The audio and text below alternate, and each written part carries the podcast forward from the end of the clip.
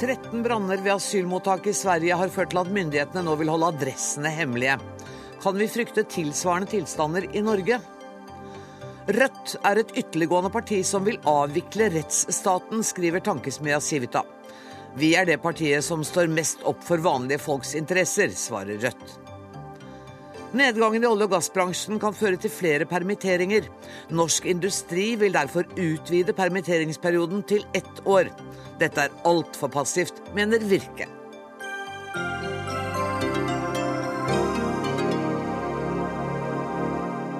Dette er noen av sakene i Dagsnytt 18 der vi også skal høre at Kina tar helt nye og kanskje litt overraskende grep for å markedsføre sin femårsplan. Men aller først. De siste ukene har det altså vært 13 branner ved eksisterende eller planlagte asylmottak i Sverige. Bare siden i går kveld har det vært to nye branner. Ifølge avisen Dagens Nyheter blir adressene til asylmottak i Sverige nå hemmelige for å hindre flere branner. Her hjemme frykter politiet ordensforstyrrelser og opptøyer ved Politiets utlendingsenhet på Tøyen i Oslo. Og Jan Erik Thomassen, du er seksjonssjef i Politidirektoratet. Hvordan vurderer dere situasjonen i Norge nå? Først er det å si det, det at vi Fra politiets side så følger vi jo med i Sverige. og Vi forstår også at man også her i Norge kan være bekymra for at man skal få lignende hendelser her. Når det er sagt, så vil jeg også si det at vi fra politiets side vi gjennomfører selvfølgelig en del tiltak for nettopp å for det første forebygge at dette skal skje i det hele tatt. Og dessuten, når man skulle tenke seg at det skjer, så vil jo det også være en jobb for politiet å, å følge opp, naturligvis. Og nå er det jo satt opp fysiske sperringer, altså vegger og gjerder rundt hotellet der asylsøkerne oppholder seg på Tøyen. Er dette en illustrasjon på at situasjonen generelt er blitt verre i Norge? Jeg tror ikke jeg vil bruke ordet om at det er blitt verre i Norge. Det har vi ikke noen indikasjon eller holdepunkter for å si. Men hvorfor er det satt opp disse gjerdene? Altså, det er jo en, du kan godt bruke ordet forebygging, om du vil si det. altså på en måte Være føre var. Mm. Og det ønsker vi fra politiets side å være altså på flere punkter, for å si det sånt. Det eneste jeg kan si, er det at vi fra norsk politis side nå har satt i gang et etterretningsarbeid. Det høres voldsomt ut, dette med etterretning, men det ja, handler altså om det? at det betyr også å få et situasjonsbilde. Situasjonsbilde på den situasjonen som vi er i nå. Samtidig en situasjon på, som vi muligens kommer til, okay. sånn at vi fra politiet sin side har et best mulig beslutningsgrunnlag. Kan du si noe om hvordan det etterretningsarbeidet gjøres? Alle politidistriktene er involvert i dette, og først og fremst da de politidistriktene hvor si, asylsituasjonen på en måte er mest merkbar. Mm. Og Det vil jo kunne være Øst-Finnmark og, og, og, Østfold, kanskje noen andre politidistrikter i tillegg. Og så er det særorgan. F.eks. Kripos har også en viktig rolle her for å koordinere dette arbeidet. Mm.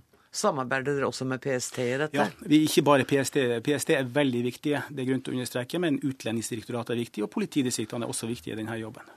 Utlendingsdirektoratet har anslått årets asyltall til å bli opp mot 30 000. Hvordan er ressurssituasjonen for politiet? Har dere nok til å takle det? Veldig vanskelig spørsmål. Jeg liker det. Skal, ja, du gjør det. Det, er, det jeg kan si til det at nå fikk, Stortinget har jo nå sagt at vi skulle få 50 millioner ekstra for å oppskalere. Og fra politiets side så, så, har vi gjort en del tiltak. Vi har flytta litt på folk, og vi har også ansatt litt flere folk, sånn at vi føler en slags form for ro. Men samtidig, når det er sagt, så er det viktig å understreke det at situasjonen, altså Vi snakker om 30 000, sier du nå. Vi vet jo ikke. Nei, det er veldig nei. vanskelig å anslå. Det er et anslag, ja. Det blir et anslag, og, og, og det kan jo bli mye mer, f.eks. til neste år. Og Da er vi nødt til å ha diskusjon i forhold til ressursene våre. Har vi nok? Og det er ikke sikkert vi har det, men det må vi komme tilbake til. Uh, Modassa Kapur, du er medlem av kommunal- og forvaltningskomiteen for Høyre. Uh, føler du deg beroliget av det politiet forteller nå? Ja, jeg syns uh, det politiet forteller nå er, er viktige beskjeder å få ut i samfunnet. Men jeg syns samtidig at dette er en viktig debatt å ta. Jeg tror at, jeg tror at vi, altså vi har to aspekter. Du har sikkerhetsdelen, men, men hvis vi ikke tar disse debattene tidlig nok, så vil vi feile i det aller viktigste. Det er jo holdningsskapende arbeid. Det er jo jeg veldig opptatt av. For jeg tror at med den mengden flyktninger og asylsøkere som kommer til Norge nå, så blir det veldig viktig å få en, en god og åpen dialog i kommunene, for det er der de skal bo. God integrering blir helt avgjørende. At folk kommer seg ut i skole og jobber helt avgjørende. Men det blir også veldig avgjørende hvordan vi snakker om dette. Heldigvis bor vi i et land hvor vi hadde et Pegida, hvis jeg får lov til å bruke ordet, tryna i sitt forsøk på å etablere seg. Men det betyr ikke dermed at disse debattene ikke kan komme opp igjen. Uh, og jeg må da si at jeg tror noe av det viktigste vi gjør nå fremover, det er å etablere rask dialog med kommunene. Både i forbindelse med bosettingsarbeid, integreringsarbeid. Det må, det må være en legitimitet som går helt ned til den enkelte beboer i kommunen om at det som nå kommer, at det ikke er noe skummelt, men det er noe man kan gjøre noe med i lokalsamfunn. Integrere menneskene, få de i arbeid, få de i jobb, og få de inn i skole. Jeg må be dere ta på dere hodetelefoner, for vi skal snakke med Rikard Jomshoff, som er partisekretær for Sverigedemokraterna. Um, god kveld, Rikard Jomshoff. God kveld. Uh, deres lokalparti i Lund i Sverige har offentliggjort, altså publisert adresser og kart som viser hvor kommunene planlegger asylmottak. Hva er grunnen til at dere har gjort dette? Ja, Først vil jeg påpeke at det her er noe som flere svenske tidninger har gjort tidligere. Altså precis det her at man har publisert lister over hvor de her boenden skal ligge.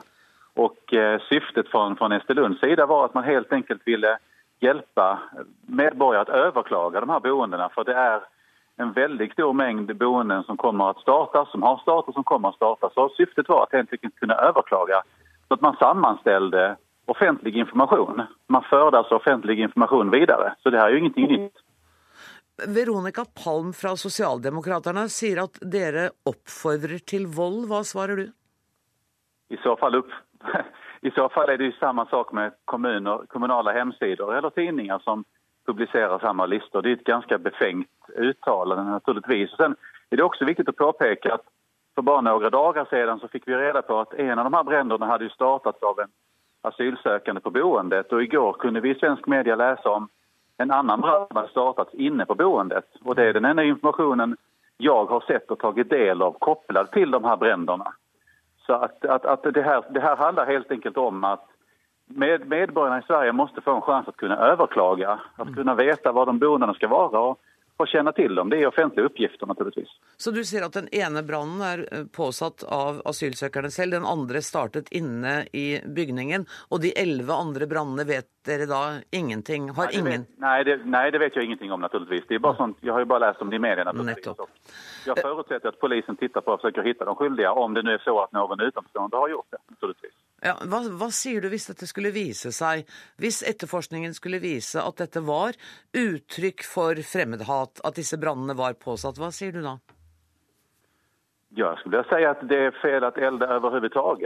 Vi har i Sverige hatt under flere års tid problem med Nå finnes det forlegninger som brenner, men vi har jo hatt flere ganger i uken hvor det brenner i, i førskoler, i skoler, det brenner biler, og det, det skytes og det kastes handgranater sprängt bomber. Så här, vi har ett, ett, större problem i Sverige med anlagda bränder och ganska grov kriminalitet. Och det handlar helt enkelt om att polisen naturligtvis i alla de här fallen ska försöka få tag i de skyldiga oavsett var någonstans det brinner någonstans. Om det nu visar sig att det är anlagda bränder naturligtvis. Tusen takk for at du var med i Dagsnytt 18, Rikard eh, Jomshoff.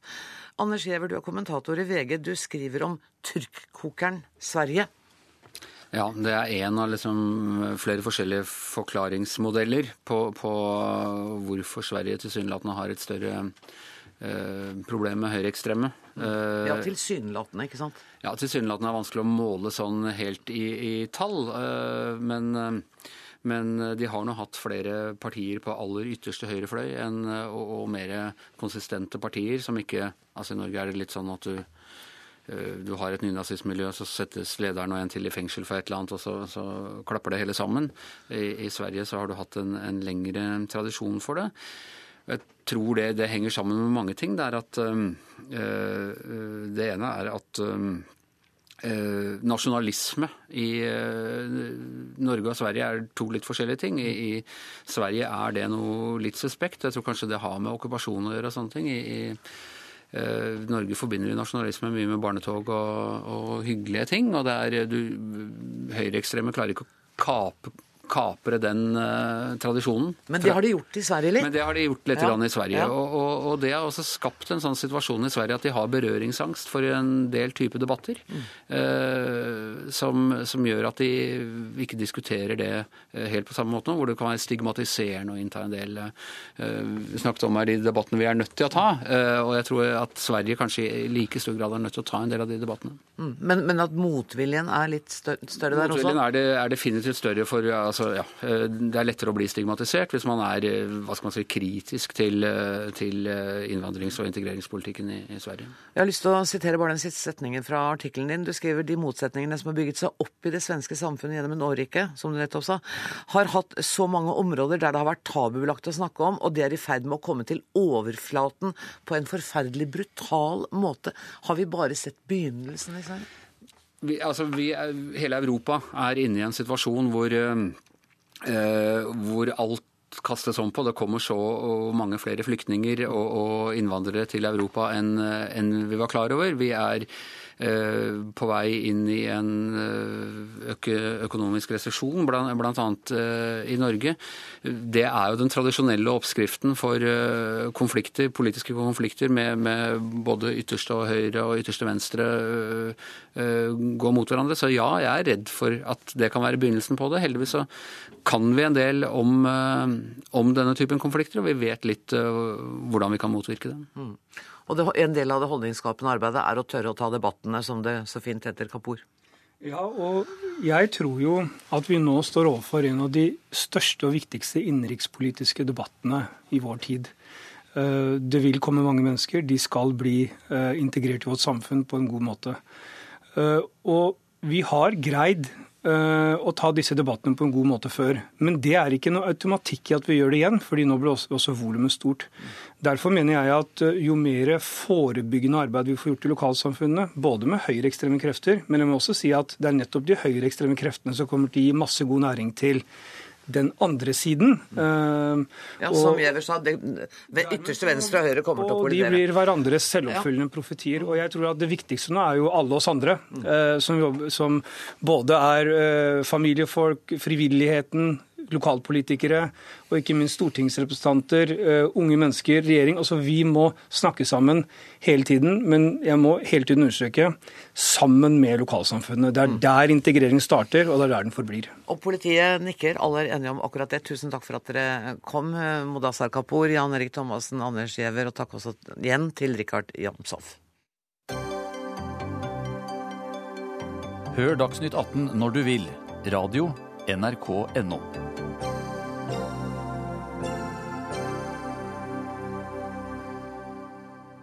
Statoils svake resultat kan føre til ytterligere kutt i bemanningen i olje- og gassbransjen. For å hindre at bedriftene i maritim sektor og olje mister kompetanse, foreslår Norsk Industri at permitteringsperioden utvides fra 30 til 52 uker. Og det får deg til å reagere, Vibeke Madsen, du er administrerende direktør i Virke. Hvorfor er det feil medisin nå? Jo, fordi at uh, har, Dette er jo en varslet omstilling. Vi har jo ventet på at dette kom til å komme. Enn Altså, vi vet at det blir smertefullt, men like fullt. Og da syns jeg dette er en litt overraskende passiv holdning. Hvorfor det er jo en litt sånn vente-og-se-holdning. Fordi nå eh, vet vi at det er andre næringer som også trenger disse gode hodene. Mm. Altså i, de som nå går ledige. Så de er kjempedyktige. Og vi trenger jo å bygge nye muligheter i de andre næringene. For det viser jo sysselsettingen nå. Altså ledigheten eh, i mange av våre fylker, den har gått ned.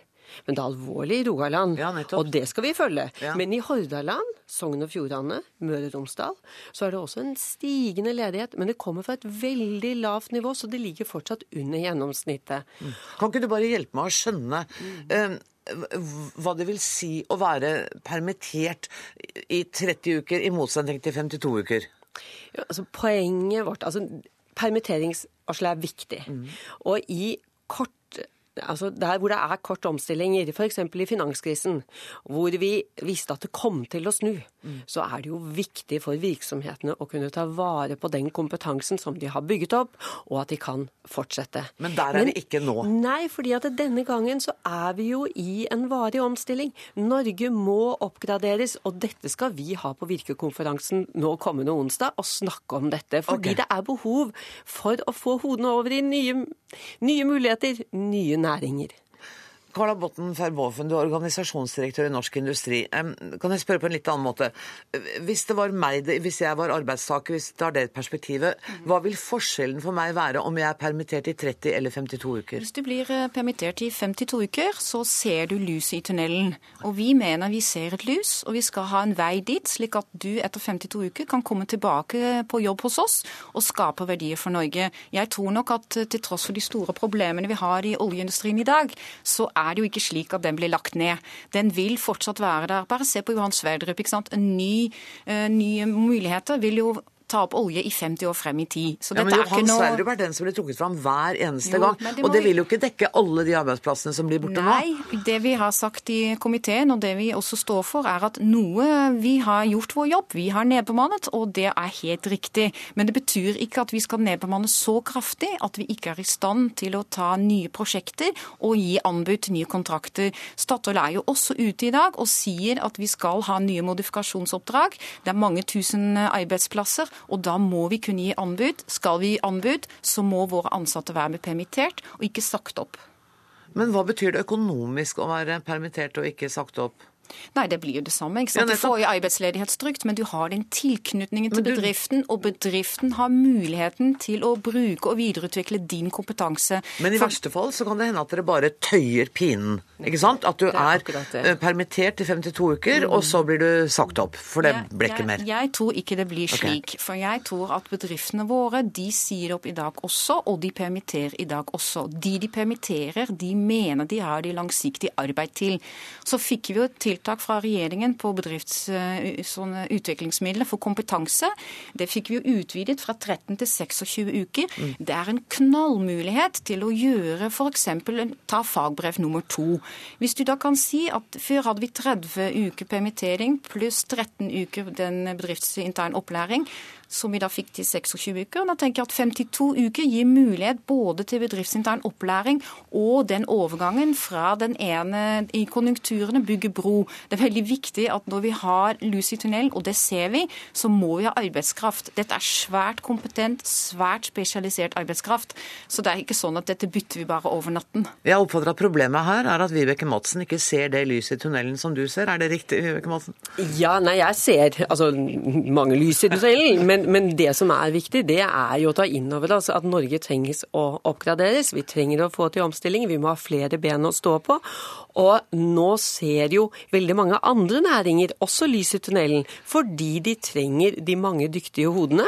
Om det så er på håndverkssiden eller om det er på ingeniørsiden, så ser vi jo at de som blir ledige, får nye jobber, og det blir nye muligheter.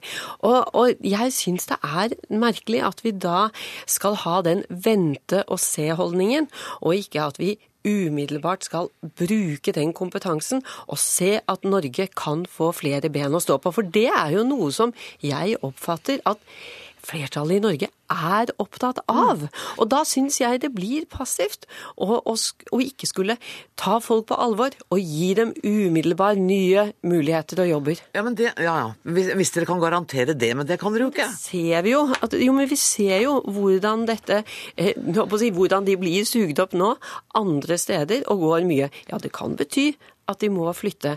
Men det er jo en verdiskaping for Norge. Men, men jeg ville blitt ganske grinete tror jeg, hvis jeg hadde fått sparken etter 31 uker eller 32 uker. Og så går det et par-tre uker, og så er det nye jobber som jeg da ikke kan få.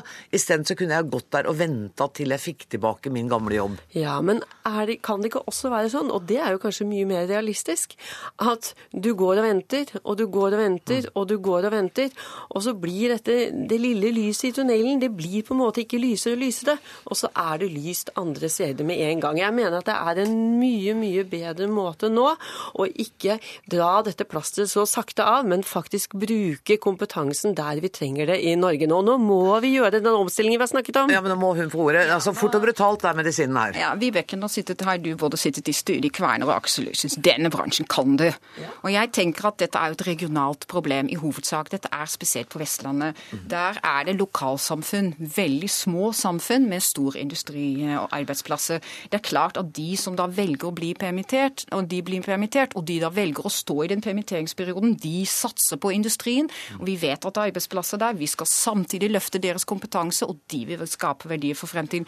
Og det må vi ha plass til samtidig som vi omstiller. Våre bedrifter omstiller hver dag. Vi gjør enormt mye selv, og det er dette bidraget skal kun hjelpe til å gjøre dette enda bedre. Vi har permittering i dag. Ja, spørsmålet er, og, og derfor er så er det skal der. Men spørsmålet er hvor lang den skal være. Og dette, dette blir for lang tid.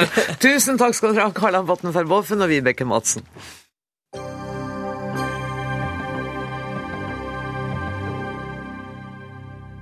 Det skal dreie seg om pensjon. For nå er det stor uenighet om hvor mye penger som skal gå til pensjonistektepar.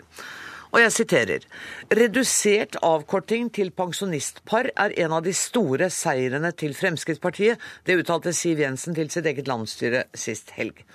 Kanskje tar hun feil, for nå vil KrF dele opp regjeringens forslag om mer pensjon til ektepar, og heller gi enslige minstepensjonister noen tusenlapper ekstra i året. Jeg ser at du følger godt med. Sa jeg det riktig nå? Dette stemmer, Hans Olav Dette Syversen. var veldig bra. Finanspolitisk statsmann talsmann i KrF. til at uh, vi er jo altså ikke uenige om målet. Nettopp. Nemlig at uh, denne avkortingen skal reduseres. Uh, og jeg har stor forståelse for de pensjonister som syns dette er et rettferdighetsspørsmål. Eh, Men vi er også i en situasjon hvor vi anbefaler at vi tar det over to år istedenfor ett. Og så tar vi med en gruppe som regjeringen ikke har tatt med, nemlig de enslige minstepensjonistene. Og det er faktisk den gruppen som har dårligst råd. Så eh, jeg syns ikke det er så verst forslag. Og dere utsetter, altså øh, for regjeringen foreslår at denne ordningen skal innføres av 1.9. neste år. Dere sier 1.11. Og så regjeringen sier. Deler det i to. 2,5 ja. ja. det første året og 2,5 Så det plussene kommer, men over litt lengre tid. Men, men hvor mye penger vil dere spare for å kunne gi minste, de enslige minstepensjonistene? Altså For neste år så vil jo dette bety eh, at eh, utgiftene går ned, eh, men de kommer jo senere. Så det er mer en faseforskyvning. Men vi vet jo også at neste år kan bli et veldig krevende år. Vi kan vente to dager nå, så får vi en tilleggsinnstilling. Så det er jo også for å ha i mente hvilket handlingsrom vi har totalt sett.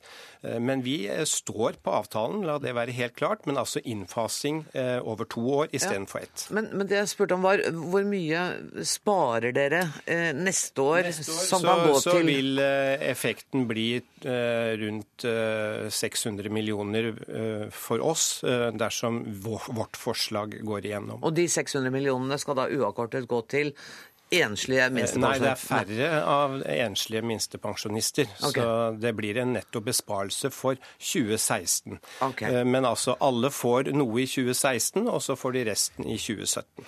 Hans Andreas Limi, du er finanspolitisk talsmann for Fremskrittspartiet. Hva syns dere om dette forslaget? Ja, vi eh, vi syns det ville være veldig synd om vi nå må utsette den endringen i avkortingen, fordi vi mener at det er en urimelig forskjellsbehandling av eh, gifte og samboende pensjonister. Men den har vart i mange år. Dessverre i altfor mange år. Eh, Fremskrittspartiet har riktignok fått justert den noe opp tidligere, altså justert opp grunnpensjonen.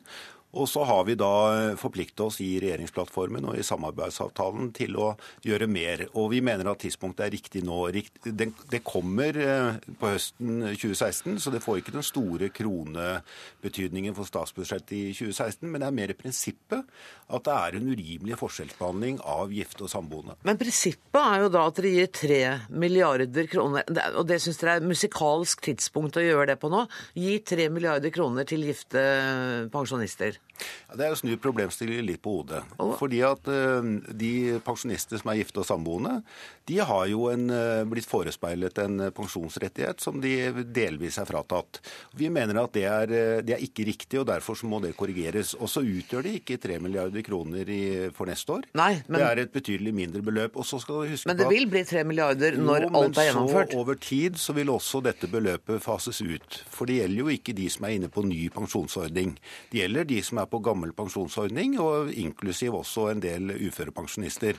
Og det er faktisk så mange som 650 000 pensjonister som vil få en økning i sin grunnpensjon på 4000 kroner hver seg. Og det, det syns vi at de Per måned, vi må være nøye med om vi opptaler måneder eller år Nei, her nå. det er 4000 kroner i året. I året, ja, Ja, men det ligger en utfordring her også for regjeringen, syns jeg, nemlig at den gruppen som har etter alle statistikker eh, dårligst råd, nemlig de enslige minstepensjonistene, de får ikke noe løft. Og det er heller ikke en gruppe som nyter noe godt av skattelettelsene som er gitt, som regjeringspartiene gjerne vil ha. Nettopp. Og grunnen til at jeg spurte om det var musikalsk, var at for ingen av dere kan ha gått, unngått å høre debatten som den yngre generasjon eh, har heist, eh, med spørsmål om er det riktig at de som har en solid økonomi, nå skal tilgodeses med enda mer penger, og dere tar fra dere unge. ikke sant? Dere har, dere har fått med dere den. Men, men, da, øh, men det at pensjonister har en solid økonomi, det er jo en påstand. Øh, Som ikke nødvendigvis er riktig. Eh, Det er ikke alle pensjonister som har en solid økonomi. eh, Og uansett så har de altså blitt forespeilet en, en rettighet som, som de da delvis er fratatt. Og Da mener vi at nå er tidspunktet inne for å endre det. Men kan Eh, dere gå med på å gjøre det litt langsommere, sånn som Kristelig Folkeparti vil? samtidig, Dette kommer opp i forhandlingene om budsjettet og blir en, en del av det samlede opplegget der. Men, men jeg vil jo også si at jeg, jeg er veldig enig med KrF i, i deres omtanke for eh, enslige minstepensjonister. Eh, Fremskrittspartiet har foreslått å øke minstepensjonen og, og gi dem en bedre inntektsutvikling eh, opptil flere ganger, eh, uten at vi har fått flertall for det i Stortinget. Men vi Det høres ut som det er godt forhandlingsgrunnlag her, vi ønsker ikke å gjøre det på det. vi ønsker ikke å gjøre det på bekostning av de gifte og samboende. Det skjønner jeg. Harald Normann, generalsekretær i Pensjonistforbundet. Dere har lenge jobbet for å fjerne denne avkortinga. Er dere skuffet over Kristelig Folkeparti nå? Nei da, altså, jeg er glad i musikk, og, og dette er musikk i mine ører. At de vil ja, her- her utsette er- hele greia? Nei, ja, men her er det to ting som slår inn samtidig. Okay. Det ene er det gamle kravet vi har om å ta bort avkortingen på grunnpensjon gifte samboende. Det innfrir regjeringen med sitt eh, forslag, sånn delvis. Flott. Og så har vi som den viktigste saken i statsbudsjettet for 2016 nettopp gjort, som Syvertsen sier, sagt at det må tas et krafttak for de som er aller minst. Og det er de enslige minstepensjonistene. Det er 55 000 enslige minstepensjonister. Og her, Limi, du må ikke skryte på deg at du gjør noe for enslige minstepensjonister, for det har du ikke gjort i det hele tatt i, i forslaget til statsbudsjett. Tvert imot, de har bare fått det verre. Så, og, og da er vårt, vår tanke at vi må slå sammen den tanken som Syvertsen eh, har med seg, men skal gjøre én ting til for at det virkelig skal monne. Og det er å ta den provenyen som ligger i forslag til å redusere formuesskatten, og flytte den over til minstepensjonistene. Vi øker ikke statsbudsjettet, ingenting. Vi tar ikke fra noen nye grupper, men vi tar fra fra ett område Fra dem som har formue? ja, Tar dere? og, og, og gi solidaritet og flytte det over til de som har absolutt minst. Og det kan Da- jo hende en tanke vi har tenkt. og, og Det betyr at da vil altså disse 55 000 enslige minstepensjonistene få en økning på 19 000 kroner, og det har de jammen Men, fortjent. men det er en ganske urimelig påstand å, å si at Fremskrittspartiet ikke har gjort noe for å, å bedre forholdene for minstepensjonistene. Altså. Eh, Vi har tross alt fremmet en rekke forslag i Stortinget om det. Vi var imot det vedtaket i 2011 om underregulering. Og vi fremmet et forslag eh, senest i, i, før sommerferien nå i år, nettopp fordi at vi mener at eh, pensjonistene, inklusiv minstepensjonistene, skal ha en inntektsutvikling på lik linje med andre i samfunnet. Men du skal få svare Nå kort på det. begynner du å blande korta her, for at nå er du inne i trygdeoppgjøret 2015. Ja, og det kan vi har ikke. in ingenting med dette å gjøre i det hele tatt. Og det kan vi jeg finner ikke ikke ett eneste tall i, i forslag til statsbudsjett for 2016 som har i seg noe ekstra for enslige minstepensjonister. Jeg gjør ikke det. Syversen. Nei, altså det siste må jeg jo si meg enig i. og Vi, vi får i hvert fall da diskutere, Limi, hva gjør vi for de som har absolutt eh, dårligst råd. Eh, Du, du bekrefter jo at det er noe Frp egentlig er opptatt av. Selv om når du sier at det fremmet dere forslag om i, i før sommeren, så var det jo ikke Regjeringen ønsket det jo ikke. Nei, men Syversen, Og så sa du noe om da han snakket om å ta fra Det var litt interessant. Ja, da fulgte jeg litt med. Eh, Dere har tenkt tanken at Altså, man jeg tror ikke det er noen overraskelse over at vi kanskje ikke ser neste år som det året hvor det skal gis veldig store skattelettelser. Så får du komme på pressekonferansen og se helheten i morgen hvis du har lyst, da. Det vil jeg gjerne. Og så, gleder vi oss til eh, denne Hva heter det? Tilleggsnummeret? Da heter det? Ja, som, kom, tilleggsnummeret. som kommer på fredag. Vi har lært oss det, vi òg. Og dere har det, ja, det er bra. Vi lærer alle noe så lenge vi holder på. Tusen takk for at dere kom, Hans Olav Syversen, Hans eh, Andreas Limi og Harald Nordmann.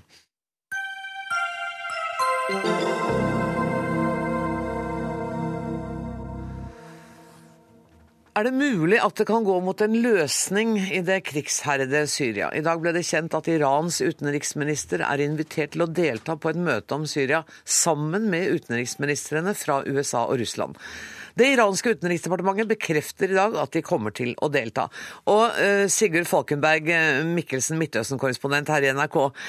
Disse samtalene skal altså foregå i Wien i Østerrike i morgen. Og mange tror at de kan bli rett og slett helt banebrytende. Hvorfor det? Det er fordi det er første gang eh, Iran nå deltar i det internasjonale diplomatiet rundt Syria. De har vært holdt på avstand eh, hele veien, eh, og de har et avgjørende ord med i laget når det gjelder Syria. De har vært Assads mest trofaste støttespiller. Men i begynnelsen så brukte vestlige, det vestlige diplomatiet mye krefter på å holde de unna. Nå har det altså gått over fire år, og de er invitert til forhandlingsbordet. Men mellom der ligger altså 250 000 drepte. Og så er det et historisk eh, aspekt her. Eh, Den islamske republikken Iran har vært en internasjonal eh, paria siden revolusjonen i 1979. Og de dras jo nå mer inn i den diplomatiske varmen. Og meningene her i Midtøsten om dette er delte, delt om det er negativt eller, eller positivt, men det utjevner i hvert fall en, en ubalanse. For Iran er en regional stormakt, og det gir diplomatiet flere spillere å strenge på. Men hva tror du om tidspunktet? Hvorfor skjer det akkurat nå? Jeg tror det er to ting her. Eh, For det første så er krisen i Syria så akutt. eh, Både på den eh, rent humanitære lidelsen og også fordi krigshandlingene eh, ikke ser ut til å ha noen eh, ende. Det er det ene. Og for det andre så har altså flyktningstrømmen og flyktningkrisen i Europa gjort at eh, det ikke går an lenger for de eh, vestmaktene å late som om dette er en krig langt unna. Eh, De er nødt til å gjøre noe, og da er eh, plutselig det som virket umulig for noen år siden, ikke så vanskelig likevel. Hvor stor er optimismen foran dette møtet i Østerrike i morgen? Jeg vil ikke si at man regner med et endelig gjennombrudd eh, eller eh, no, noen slike ting. Eh, Det er det første, den første, det er det første møtet og det første si, andre delen av diplomatiet etter at Iran og USA og de andre internasjonale maktene gikk inn denne atomavtalen. Og Det er åpenbart et spill videre på dette her. Men når det gjelder Syria, så det, regner man at man kanskje tar noen skritt. Man etablerer noen kontakter, men posisjonene her er fortsatt eh, diametralt motsatte fra Saudi-Arabia, eh, Iran på de to andre sidene, eh, til da den syriske opposisjonen også, som mener at Iran ikke kommer til å kunne bidra på noen positiv måte. Og alle, det er jo en svær konferanse dette her. Egypt skal delta bl.a. Frankrike, Storbritannia. sånn at det er, en, det er en stor konferanse med veldig mange forskjellige synspunkt på hva som må gjøres i Syria. Tusen takk for at du var med i Dagsnytt 18, Sigurd Falkenberg Mikkelsen. Palle er oberstløytnant ved Forsvarets stabsskole. Er det en ørliten mulighet for at vi nå ser begynnelsen til begynnelsen av slutten på denne fem år lange borgerkrigen?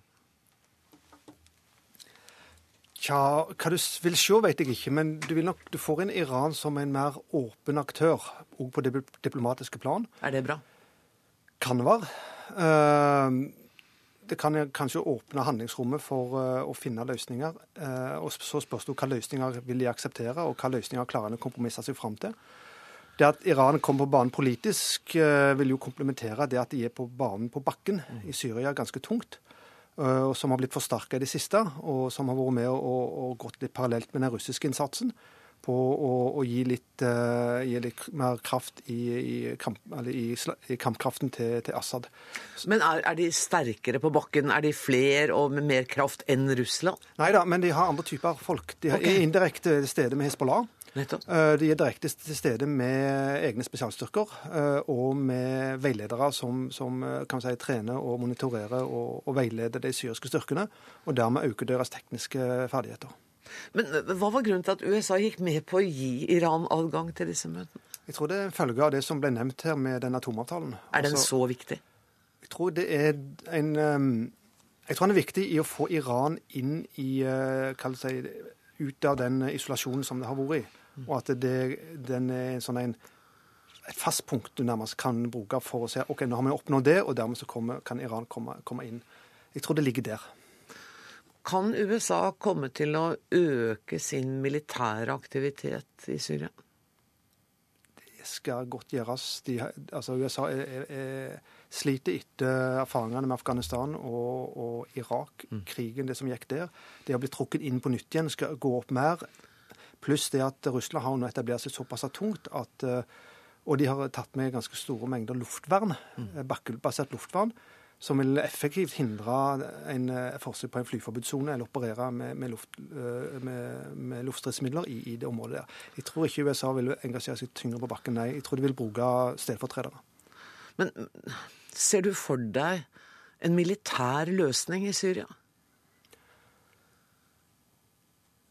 Løsningen vil uansett måtte være politisk betinget. Hva rolle det militære får, om, om de kan kjempe seg altså Om de blir så utslitne med bedre balanse mellom partene, eller om Assad nå med, med russisk ildkraft og iransk backing ellers kan skaffe seg tilstrekkelig med framgang eller sikre sine områder til at han blir en større større, kan få større gjennomslag med diplomatisk backing for Russland, Iran, kan være. Men jeg tror verken Russland eller iallfall ikke Russland tror jeg trenger å ha med Assad. Nei. Nødvendigvis. Altså, Nei, uh, andre vil nok det, men Russland er nok mer ute etter sine egne interesser og der. Mye mer pragmatiske. Og Assad kan være en del av løsningen med, uten, uh, enten han nå blir sittende i, i Damaskus, eller han får seg en fin leilighet i Moskva. Kai Kverme, du er tidligere forsker ved Universitetet i Oslo, og nå jobber du med flyktninger i Skedsmo, bl.a. med syriske flyktninger. Hva betyr Iran for Assad? Nå hører vi at enten han blir skitten eller om han får seg en fin leilighet i Moskva. Det er ikke helt avgjørende for Syrias framtid. Altså For iranerne så er jo Assad viktig. og, og Forholdet mellom Assad og Iran er jo et helt annet enn forholdet mellom Assad og Russland. Altså Uten iranerne så hadde jo Assads regime kollapset høyst sannsynlig for et par år siden. Iranerne er tungt inne. De har noen andre geopolitiske interesser enn russerne, som jo handler om å opprettholde denne linjen fra Iran gjennom Irak, Syria og ned til Hizbollah. denne aksen her. Det er jo det som er viktig for dem. Men iranerne har jo investert, hvis vi kan bruke det ordet, veldig tungt i Syria.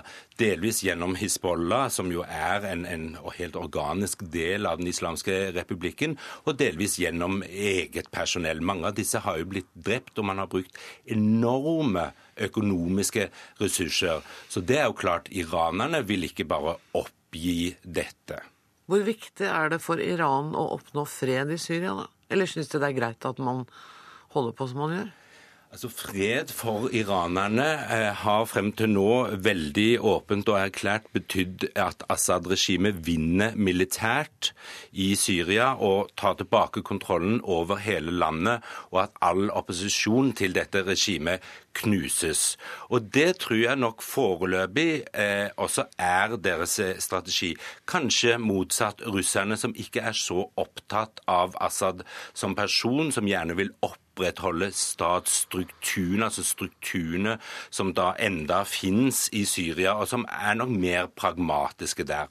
Men både Russland og eh, Iran er interessert i å bekjempe opposisjonen, bl.a. IS. ikke sant? Det er vi enige om? Ja, altså hvis Eller... du da inkluderer IS i opposisjonen, jeg syns det er veldig problematisk. Altså IS har jo et helt eget eh, prosjekt. De er mot alt og alle, ikke bare for så vidt Assad-regimet. De, de, de minst av alt historisk har bekjempet, er jo Assad-regimet. Det, det, IS okay. først og fremst har bekjempet, er jo den syriske opposisjonen og tatt områder fra dem like mye som de har tatt områder fra det syriske regimet. ikke sant? Så det er på en måte en krig med mange fronter, dette her. Ja, det er det flere fronter enn vi er klar over. for at, eh, Sånn som det har vært framstilt, så har det jo liksom vært eh, Assad mot IS, og at IS har vært opposisjon. Det er, ikke, det er den veldig forenklede utgaven, ikke sant? Det er jo Assads narrativ, Nettopp. ikke sant? Og russernes og iranernes narrativ. Nettopp. Og det er jo det man gjør sitt ytterste nå for å på en måte oppfylle ved å bekjempe opposisjonen, ved å prøve å utrydde opposisjonen, så fronten blir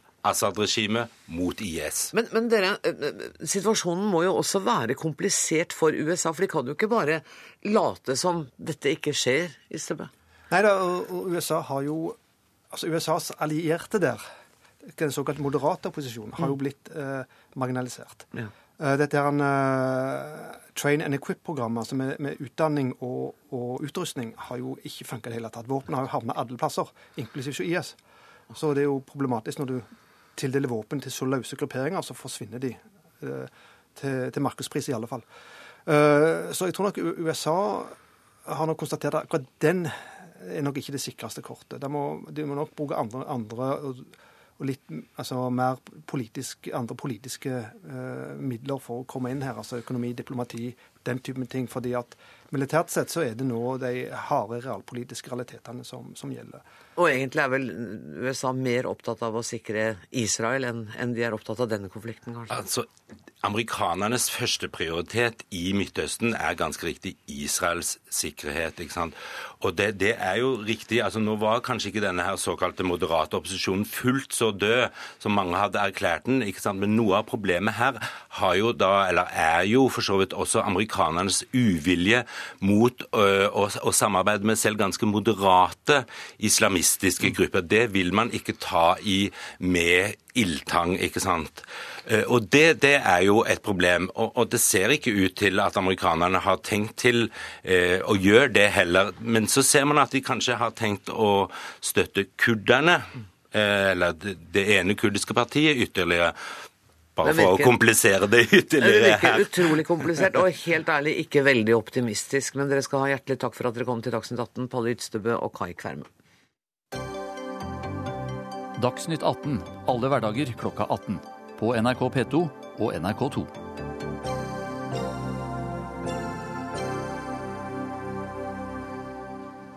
Oslo byråd krysser en prinsipiell grense ved å samarbeide med partiet Rødt. Rødt er et ytterliggående, revolusjonært og kommunistisk parti som vil avvikle en samfunnsmodell basert på rettsstatsprinsipper og maktspredning. Dette skriver du, Torstein Ulserød fra Civita, i en kronikk i Aftenposten. Um, hvorfor dette harde angrepet? Eh, Ja, Den, den artikkelen jeg skrev, var, var egentlig først og fremst en kritikk av mediene sin eh, behandling av Rødt.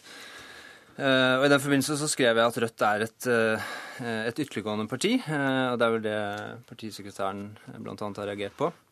Jeg har ikke tenkt å gå tilbake på det.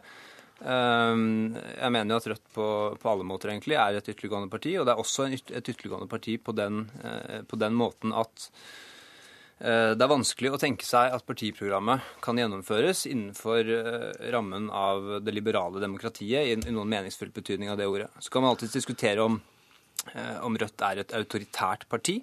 Eh, Det er i hvert fall rimelig å si at de har et autoritært program.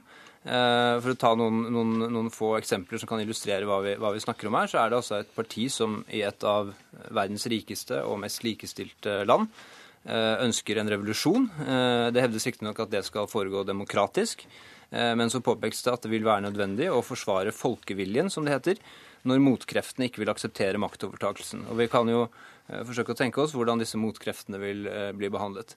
Eh, Målet for Rødt er et klasse, klasseløst samfunn, det Karl Marx kalte kommunisme, som, eh, som de skriver i programmet sitt. Eh, Dette er jo, kan man godt velge å liksom, trekke litt på smilebåndet av. Det er jo litt kuriøst, men skal man ta det på alvor, det mener jeg man bør, så, så, så er det jo ganske sterk kost dette her. Mm. Men, men du, og du sier at dette var overhodet ikke hovedpoenget med din artikkel. Hovedpoenget var å komme med kritikk av mediene. Ja. Eh, og det er særlig to ting, altså, det er, altså En ting er hvordan Rødt selv vil karakterisere programmet sitt. på Det skal måte- de få lov å komme tilbake til, men jeg vil Eh, det er mer interessant, synes jeg kanskje er særlig to, to andre ting som er, er viktig å si om dette. Og, og Det ene er at, eh, at, Rødt bør, som andre partier, eh, få spørsmål om hva de mener med en del av de mest sentrale punktene i programmet.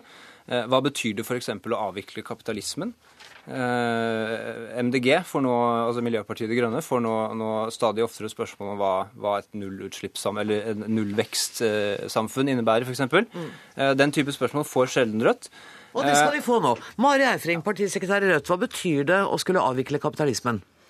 Eh, det betyr at vi ønsker en eh, grunnleggende forandring av eh, samfunnet vårt. Et samfunn som er mye mer demokratisk enn det vi har i dag. Og demokratiet skal oppnås ved revolusjon. En ja, demokratisk revolusjon. Men der er jo også vårt program krystallklart på akkurat det. At en sånn revolusjon må være demokratisk forankra og fredelig. Eh, og fordi demokratisk forankring er avgjørende, så må også flertallets oppslutning bekreftes gjennom eh, demokratiske folkeavstemninger og eh, frie valg. du hører noe... selvmotsigelsene her, ikke sant? Nei, for oss er dette veldig da, grunnleggende okay. for, for, vår del. At ja. dette er eh, vi, går, vi går til valg og stemmer over om vi skal ha revolusjon eller ikke. Ja, så, så enkelt er det. Eh, for oss så er det jo sånn at hvis ikke en så grunnleggende forandring er demokratisk forankra, så ønsker vi den heller ikke. Og dette er vi krystallklare på i, i, vårt program. Eh, og problemet, mener jeg, hos Civita er vel heller at de eh, mener at Rødt er for, for mye maktspredning enn det de er komfortable med. For det er jo sånn at Rødt ønsker grunnleggende endringer av, av samfunnet. Og vi mener at i dagens system så har Eh, banker og finansspekulanter eh, og kapitaleiere for mye makt, eh, og makt som går på bekostning av Du kan ikke ta hele programmet nå, men jeg må bare, for vi har en gjest til i studio. og Han representerer ifølge programmet deres en av motkreftene, nemlig Arbeiderpartiet. Som dere vil bekjempe, står det i programmet. Eh, Jan Bøhler, hvor veloverveid er det å inngå et forpliktende byrådssamarbeid med et parti som Rødt? Ja, Vi har ikke inngått et byrådssamarbeid. Det sa vi i hele valgkampen. Og Rødt har også sagt det samme. At det er helt uaktuelt å sitte i byråd sammen. Ja, fordi vi er grunnleggende uenige om mange spørsmål. Jo, men Også, dette er flisespikkeri. Unnskyld meg. Nei, det er ikke flisespikkeri. For dere sitter i et forpliktende samarbeid. Nei. Det er veldig stor forskjell på å sitte i byråd sammen, ja, byrådssamarbeid, og, og sitte, lage en avtale på det er tre felter som angår privatisering av velferd, og som angår å redusere forskjellene i byen, og som angår mer åpenhet i Oslo kommune. Tre punkter som vi har inngått en avtale om. Og så skal de til gjengjeld de skal stemme for sine primære standpunkter i budsjettbehandlingen, legge fram det, men i salderingen av helheten i budsjettet til slutt, så har de forpliktet seg til å stemme for det.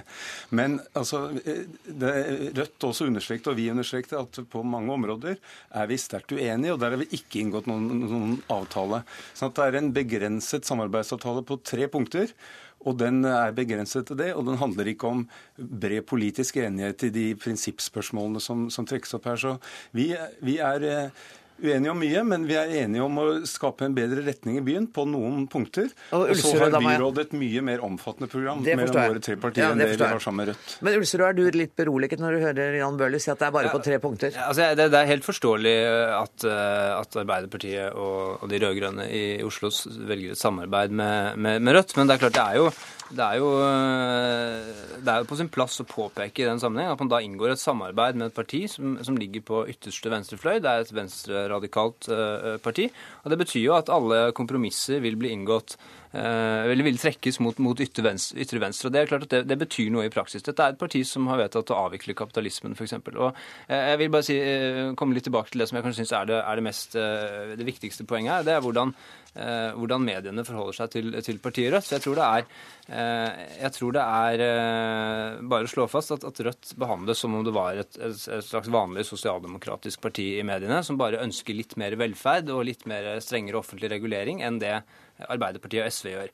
Eh, men det er en fundamental forskjell her i den forstand, altså, som går på holdningen til demokrati. Og jeg tror bare, bare for, for, å si det, at det, er, det ville vært utenkelig å, å, å, å se den samme behandlingen i mediene dersom det var et, et høyreradikalt parti som var i den posisjonen som Rødt nå er i, i Oslo og Tromsø f.eks. Så du mener da et eh, parti til høyre for Fremskrittspartiet, er det du mener? Ja, altså Fremskrittspartiet er et parti som er, har et avklart forhold til demokratiet, Nettopp. uansett hva man mener om det. Som et høyreradikalt parti mener jeg, mener jeg et parti altså Det går en prinsipiell grense her ikke sant, mellom ja. Eh, ja. Jeg måtte bare få det presisert. Vær så god. Ja, men her skapes det jo et bilde av at Rødt ikke har et avklart forhold til demokrati, noe som er fullstendig feil.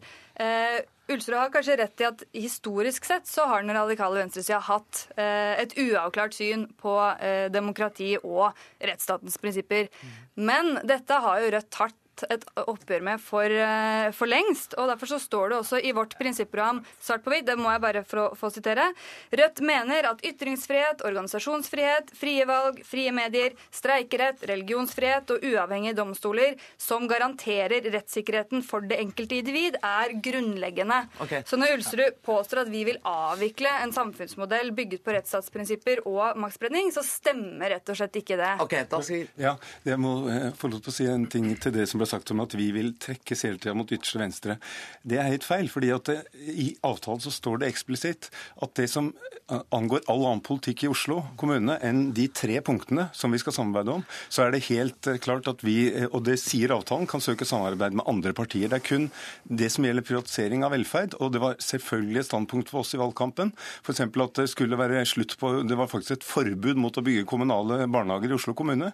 Altså den typen dogmatisk høyre privatiseringspolitikk som vi nå opphever i Oslo, det har vært en selvfølge også i hele valgkampen. Og faktisk på ett punkt, programleder, så modererte Rødt standpunktene som MDG og SV hadde. Det gjaldt eiendomsskattmodellen, hvor Rødt ga støtte til Arbeiderpartiets modell, som er mindre omfattende og drastisk enn det MDG og SV ville ha. Jeg hadde ikke tenkt å gå inn i detaljene så... i Oslo-politikken. Derfor har jeg tenkt å gi det siste ordet til Ulserød. Du hører at dere rett og slett ifølge Bøhler tar feil. Ja, nei, altså Jeg syns heller ikke det detaljene i Oslo-politikken er det viktigste. og jeg, jeg bare får si det, jeg, jeg eller Sivita er ikke spesielt uh, engstelige for at liksom, Oslo nå står på randen av et autoritært styre, eller, at eller at, at kommunismen vil overta. Er det. Det er mer det prinsipielle forholdet til partiet Rødt. Hvordan det behandles i media, jeg syns er det interessante her. Når, når Eifring er inne på at, eh, at, de skriver en del fine ting om at de er for ytringsfrihet og rettsstat og sånn, så er det riktig. Det står mye fint i programmet til Rødt. Hvis man leser det som en helhet, eh, så ser man også at det står ganske mye der som er ganske problematisk. Og det er, eh, det er ikke riktig å si at Rødt har tatt et oppgjør med, med den autoritære arven. Jeg anbefaler folk bare å lese partiprogrammet, for vi har ikke tid til mer akkurat nå. Det beklager jeg. Tusen takk for at dere kom, Mari Eifring, Torstein Ulserud og Jan Bøhler.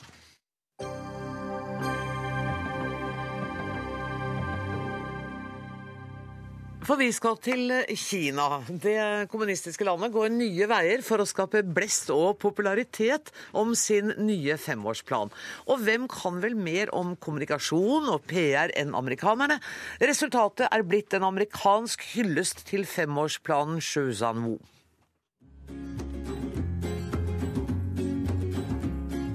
Wu. Have you guys heard what's going on in China?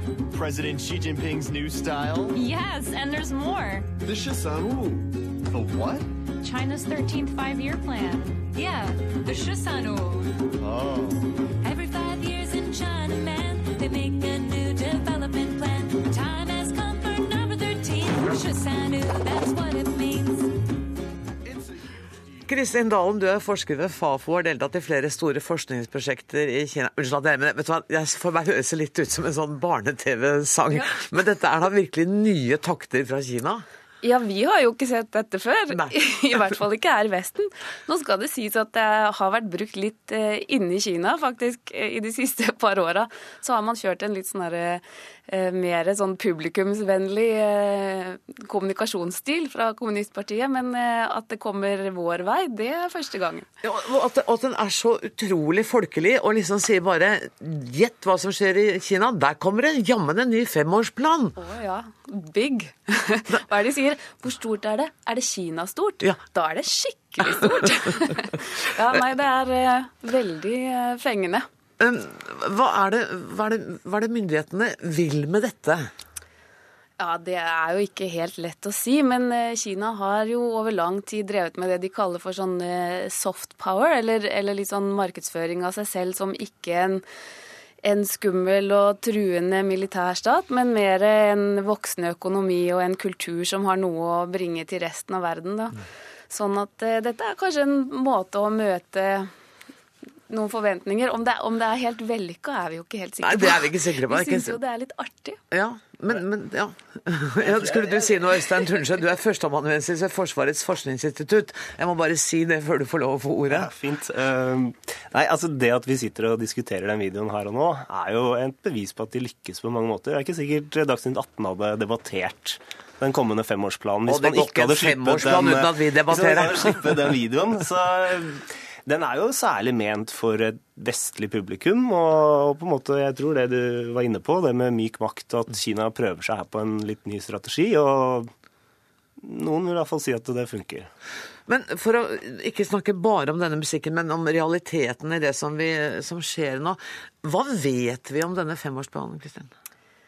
Ja, vi, vi, femårsplaner vet man jo ikke så veldig mye om, eh, sånn rent hva som står i teksten. Men eh, på den annen side så vet vi jo ganske mye om hva, det, hva som kommer til å være de store utfordringene de neste fem åra. For det er jo det femårsplanen dreier seg om. Det er nesten som et slags partiprogram for den kinesiske kommunistpartiet om hva de tenker å fokusere på når det gjelder både økonomi og utvikling de neste fem åra. Sånn at denne femårsplanen svarer jo på de utfordringene Kina står overfor både som nasjon og som folk. Og da er det i første rekke tre ting man kan tenke på når man, man ser hva, som kommer til å komme, hva man tror kommer til å komme i denne femårsplanen. Og det er omlegging av økonomien for å sikre fortsatt økonomisk vekst i Kina. Det er kanskje det aller viktigste. Så er det en, for, en videreføring og fordypning av de reformene man har sett for å håndtere økt ulikhet og, og sikre bedre levestandard for kinesere. Og så er det så klart hvordan man skal forholde seg til miljøproblemene, som er enorme i Kina i dag. Så jeg tenker at de tre tingene er liksom hoved, hovedtema innafor den eh, planen. Er kinesiske myndigheter flinke til å ta på alvor de svære utfordringene dette landet står overfor? Altså Har de tradisjon for å gripe fatt i det som er det viktigste nå? Om de har tradisjon for det, det tør jeg nesten ikke å si. For det er litt sånn, hvis vi går tilbake igjen til Mao-tiden og sånn, så var det jo skivebom opptil flere ganger Ja, i forhold til Men jeg tenkte nå, de etter store Deng død og ja, etter da, da vil jeg si at eh, det er eh, stort fokus på hva det er som er de reelle utfordringene. Mm. Kan man jo se når man ser den økonomiske veksten som har foregått i Kina over de siste 30 årene. Mm. Det er vel ikke noe annet land som har hatt en økonomisk vekst som er sammenlignbar. Og det er, for å være helt rettferdig, vel ingen som har løftet så mange mennesker ut av Ut av fattigdom, fattigdom, som det Kina har gjort. Og så er det jo, man skal ikke fleime, men, men det er noen fordeler med å være en autoritær stat, for at de innførte fem dagers arbeidsuke i løpet av et døgn. Plutselig så var alle banker og alt stengt på lørdager, for da hadde man bestemt at det skulle man ikke drive med lenger. Eh, Samtidig så var det veldig mange andre som jobba hver eneste dag sant? hele året. nettopp. Eh, Tunsjø, dette forholdet mellom Kina og USA, er det inne i et godt spor for tida?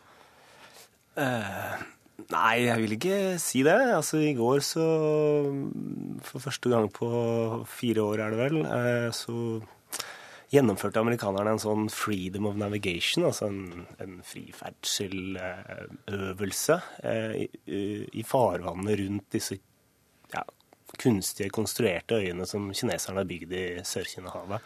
Som skapte ganske mye bråk. Kineserne protesterte. Eh, Men samtidig så har ikke kineserne sånn eh, direkte gjort krav på eh, territorialfarvann, økonomisk sone og den type ting rundt disse øyene. Så det er fortsatt et uklart bilde.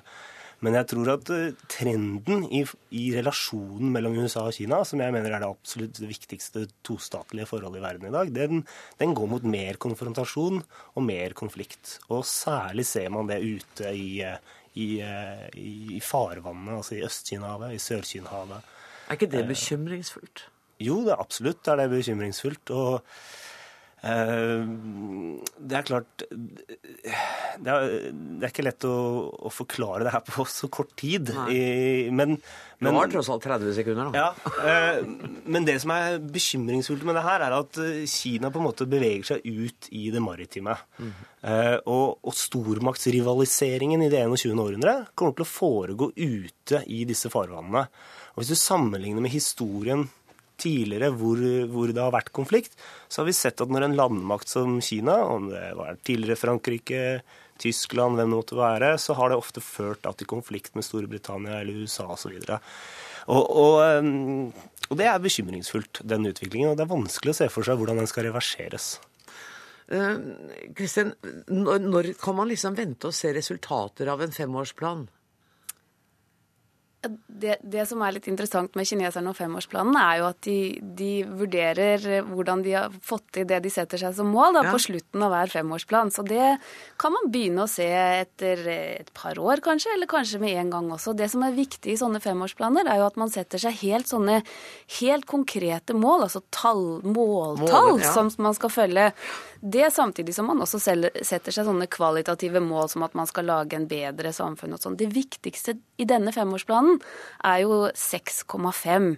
Kunne nesten ha vært med i den sangen som et sånt tall man kunne eh, huske. Fordi 6,5 kommer antageligvis, vi vet ikke helt sikkert, men det er stor sannsynlighet for at det kommer til å bli det nye måltallet for økonomisk vekst i Kina. Økonomisk vekst på 6,5 mm -hmm. ja. Det er ganske høyt. Det er høyt, eh, og det er slutt, i hvert fall Dagsnytt 18. Eh, tusen takk for at dere kom, Kristin Dalen og Øystein Tunsjø. Helt til slutt skal jeg bare fortelle at det var Ida Tune Øritsland som var ansvarlig for denne sendingen. Det tekniske ansvaret var i Lisbeth Sellreites gode hender. Jeg heter Anne Grosvold og ønsker på gjensyn og gjenhør i morgen.